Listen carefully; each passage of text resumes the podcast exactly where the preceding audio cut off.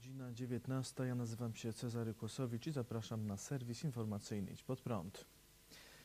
Joe Biden został dziś prezydentem Stanów Zjednoczonych. W przemówieniu po zaprzysiężeniu wielokrotnie apelował o jedność i zasypanie podziałów.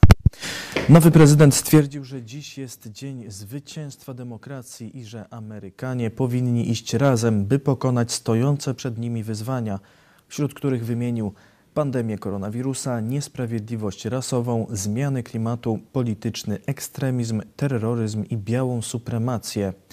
W jedności możemy zrobić wszystko, stwierdził Biden. Nowy prezydent apelował, by słuchać siebie nawzajem, aby każda niezgoda nie kończyła się totalną walką. Stwierdził też, że trzeba odrzucić kulturę manipulowania faktami i fabrykowania informacji.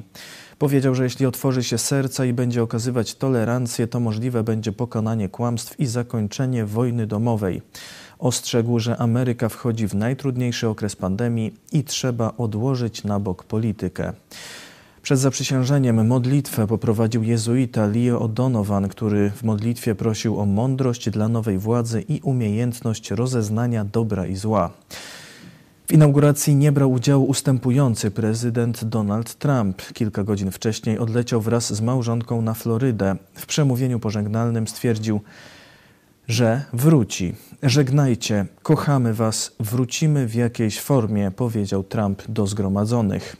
Wcześniej Wall Street Journal twierdził, powołując się na źródła w otoczeniu prezydenta, że Donald Trump planuje założenie nowego ugrupowania politycznego o nazwie Partia Patriotów. Jak do tej pory Donald Trump nie potwierdził tych informacji. 443 osoby zmarły w ciągu ostatniej doby z powodu koronawirusa, a łącznie już ponad 34 100 podało dzisiaj Ministerstwo Zdrowia. Resort poinformował także o ponad 6900 nowych zakażeniach chińskim koronawirusem. Nadal spada liczba osób zakażonych wymagających hospitalizacji i respiratorów wykorzystywanych do ich leczenia. W szpitalach przebywa obecnie ponad 15 300 zakażonych, to najmniej od 29 października.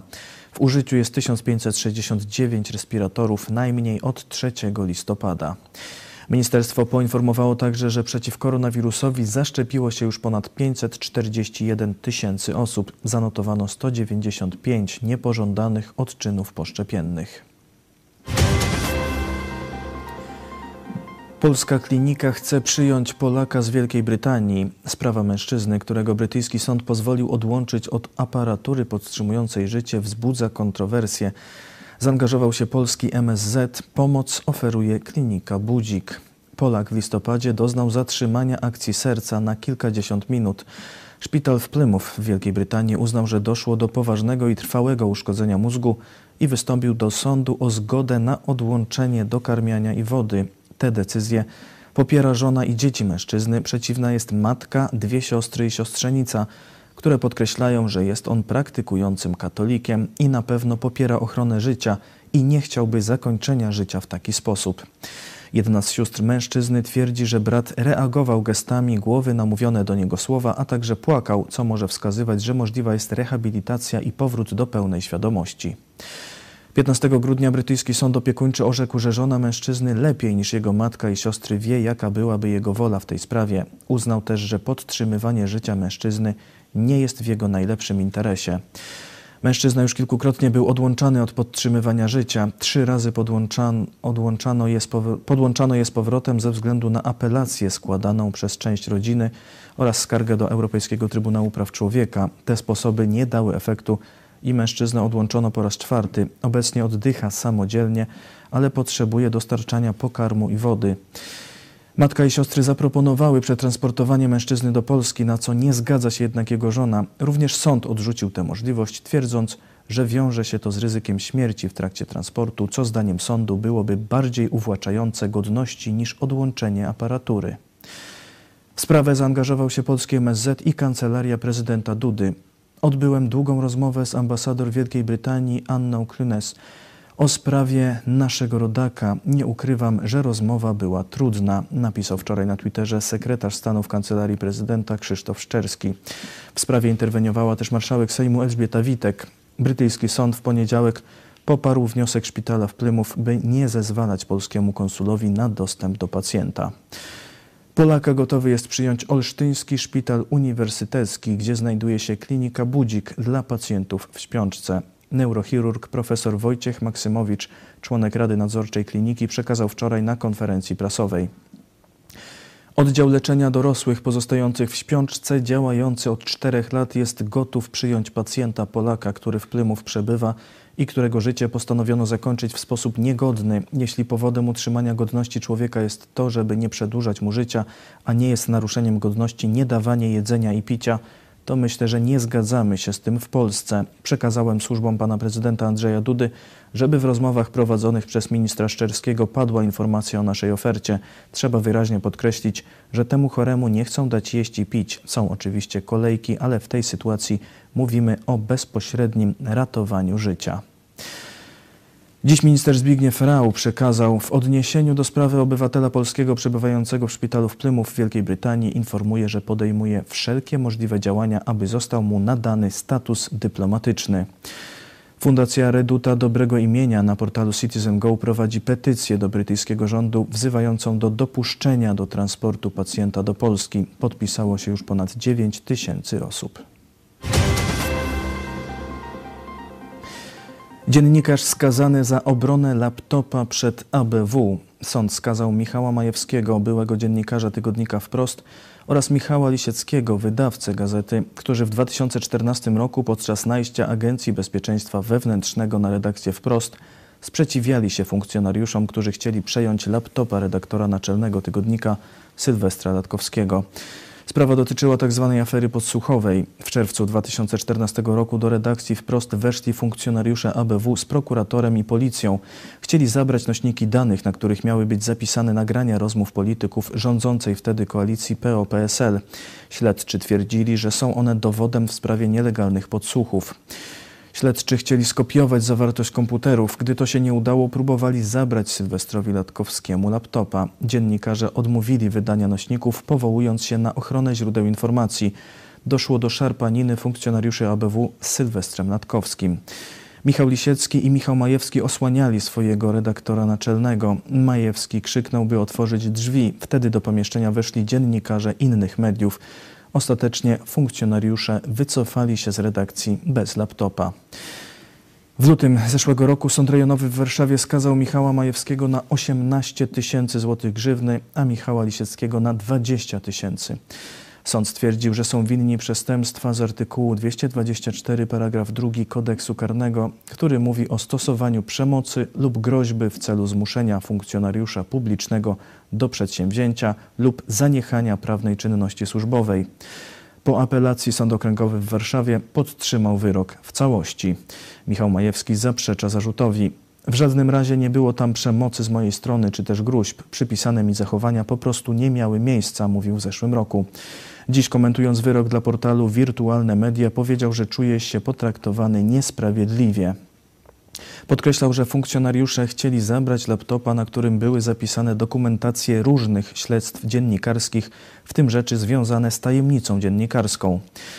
To jest sięgnięcie po rzecz dla dziennikarzy świętą i po latach wydaje mi się, że zachowałem się odpowiednio. Tak trzeba było zrobić, że należało przeciwko temu protestować. Szczególnie, że nie było żadnych oporów, żeby oddać te nagrania. Oni po prostu byli nieprzygotowani, chcieli od nas jakichś nośników. Nie do końca potrafili zrozumieć, że to jest w chmurze internetowej i jest to link, a nie ma fizycznie płyty lub pendrive'a, gdzie były te nagrania. Nie potrafili zrobić kopii komputera Latkowskiego, aż wreszcie sięgnęli po siłę. Wyglądało to bardzo źle. Przypominało standardy białoruskie lub rosyjskie. Dlatego postanowiliśmy zaprotestować, ale to był bierny opór, Przecież nikogo nie uderzyliśmy, powiedział Majewski. Wyrok Sądu Okręgowego jest prawomocny i podlega wykonaniu. Dziennikarze rozważają złożenie kasacji do Sądu Najwyższego. Nowy ambasador Polski w Moskwie był sekretarzem Jerzego Urbana. Na początku tego roku ambasadorem Rzeczpospolitej Polskiej w Moskwie został Krzysztof Krajewski. Jego dotychczasową karierę prześwietliła dziennikarka Gazety Polskiej i Telewizji Republika Dorota Kania. Jak dowiadujemy się z dokumentów pokazanych w Telewizji Republika i w dzisiejszej Gazecie Polskiej, Krajewski w 1984 roku był członkiem Komunistycznego Zrzeszenia Studentów Polskich. Jako student Wydziału Dziennikarstwa i Nauk Politycznych był członkiem PZPR. W 1987 roku Krajewski razem z czołowymi działaczami ZSP odbył podróż do Korei Północnej. W latach 1981-89 pracował w biurze rzecznika rządu Jerzego Urbana.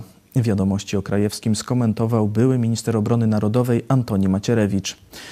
Krzysztof Krajewski wywodzi się z pewnego środowiska. Ci ludzie byli przygotowywani do penetracji życia politycznego i gospodarczego nie tylko w PRL, ale również w wolnej Polsce. Do dziś wiele rzeczy kontrolują.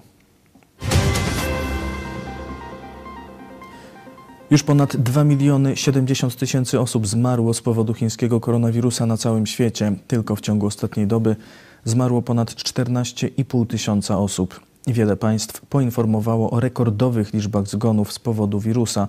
W Wielkiej Brytanii w ciągu ostatniej doby zmarło 1610 osób, w RPA 839, w Rosji 597, w Indonezji 308, a w Portugalii 218. Sytuacja epidemiczna w wielu państwach nie poprawia się. Rząd niemiecki ogłosił przedłużenie lockdownu. Zamknięcie gospodarki potrwa do 14 lutego. Decyzja została podjęta wczoraj po spotkaniu kanclerz Niemiec Angeli Merkel z władzami krajów związkowych. Wprowadzono także nowe restrykcje epidemiczne. Pracodawcy są zobowiązani zapewnić możliwość pracy zdalnej każdemu pracownikowi, który pracę w takiej formie może wykonywać. Pracownikom, którzy będą musieli przychodzić do pracy, pracodawcy będą musieli zapewnić dostęp do masek i testów. W Niemczech wprowadzony zostanie także obowiązek noszenia masek ochronnych w komunikacji miejskiej i w sklepach. Angela Merkel poinformowała, że Niemcy nie wykluczają przywrócenia kontroli na granicach. Zaznaczyła jednak, że liczy na partnerską współpracę z sąsiadami. Władze Hiszpanii opowiadają się za wprowadzeniem specjalnych paszportów dla osób zaszczepionych przeciw koronawirusowi z państw Unii Europejskiej. Hiszpańska minister do spraw przemysłu, handlu i turystyki Reyes Maroto poinformowała podczas posiedzenia Rady Wykonawczej Światowej Organizacji Turystyki, że unijne certyfikaty szczepień umożliwiłyby przywrócenie mobilności na poziomie europejskim i reaktywowałyby turystykę. Debata przywódców państw unijnych na temat wprowadzenia certyfikatów szczepień ma się odbyć w czwartek. Władze Włoch rozważają wytoczenie procesu firmie Pfizer produkującej szczepionkę przeciw koronawirusowi za opóźnienia w dystrybucji preparatu. Nadzwyczajny komisarz do spraw kryzysu na tle pandemii Domenico Arcuri poinformował, że producent szczepionki nie wywiązał się z ustalonych wcześniej warunków współpracy, przez co nie wiadomo, czy osoby, które otrzymały jedną dawkę szczepionki, otrzymają także drugą. Ochrona zdrowia obywateli nie podlega negocjacjom. Kampania szczepień nie może zostać wyhamowana, tym bardziej podanie drugiej dawki wielu Włochom, którzy już otrzymali pierwszą, powiedział Orcuri. W Norwegii naukowcy badają przypadki zgonów osób starszych, które zostały zaszczepione w grudniu. Norweska Agencja Medyczna poinformowała, że dokładnie bada każdy przypadek, przypadek zgonu osoby zaszczepionej. Jak stwierdziła, możliwe jest, iż działania niepożądane, zupełnie niegroźne dla osób młodych, mogły mieć silniejszy przebieg u osób po 80 roku życia, które dodatkowo cierpią na wiele poważnych chorób. Naukowcy zaznaczyli jednak, że bardzo mało prawdopodobne jest, żeby szczepionka była bezpośrednią przyczyną zgonu tych osób. Steven Evans, profesor farmakoepidemiologii, potwierdził, że nie ma dowodów na jakikolwiek związek między szczepieniami a śmiercią tych wrażliwych pacjentów. Chinach kolejne obszary zamykane są z powodu wykrycia w nich przypadków zakażenia koronawirusem. Dzielnica Daxing w Pekinie zamieszkała przez ponad półtora miliona osób, została objęta lockdownem po tym, jak stwierdzono, że kilkoro jej mieszkańców zakażonych jest koronawirusem. Władze Pekinu ogłosiły, że przeprowadzona zostanie kontrola wszystkich, którzy przyjechali z zagranicy do Pekinu po 10 grudnia. Dodatkowo wydłużony zostanie okres kwarantanny osób przyjezdnych. Będzie trwał 28 dni. Władze tłumaczą to faktem wystąpienia objawów zakażenia koronawirusem u osób, które były już po odbyciu 14-dniowej kwarantanny. Policja z Opola twierdzi, że megafony szkodzą środowisku. Funkcjonariusze policji z Opola złożyli do sądu rodzinnego wniosek o nałożenie kary na 17-latka, który podczas demonstracji użył megafonu, łamiąc tym według policji przepisy o ochronie środowiska. Protest odbył się 9 grudnia. Jego uczestnicy wyrażali swój sprzeciw wobec bierności władz na pogarszającą się sytuację klimatyczną. 17-letni Kasper Lubiewski podczas demonstracji do swojego wystąpienia wykorzystał megafon. W trakcie, gdy mówił do nastolatka, podeszli policjanci, żądając od niego odłożenia sprzętu. 17-latek został wylegitymowany. Po zajściu megafon nie był już używany podczas demonstracji. Mimo to w styczniu, miesiąc po zdarzeniu, nastolatek otrzymał informację, że policja złożyła wniosek o ukaranie go do sądu rodzinnego. W rozmowie z Gazetą Wyborczą chłopak powiedział: Represje mają na celu zdemotywowanie mnie oraz moich kolegów i koleżanek do angażowania się w sprawy obywatelskie. Policja chce, byśmy siedzieli cicho i się nie wychylali.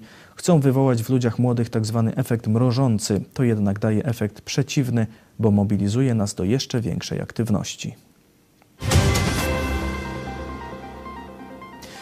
To wszystko w tym wydaniu serwisu. Dziękuję Państwu za uwagę. Kolejny serwis jutro o 19, a jeszcze dziś o 20.30 rozmowa z zakonnicą, siostrą Tymoteuszą Gil. Szczerze o byciu zakonnicą. Zapraszam.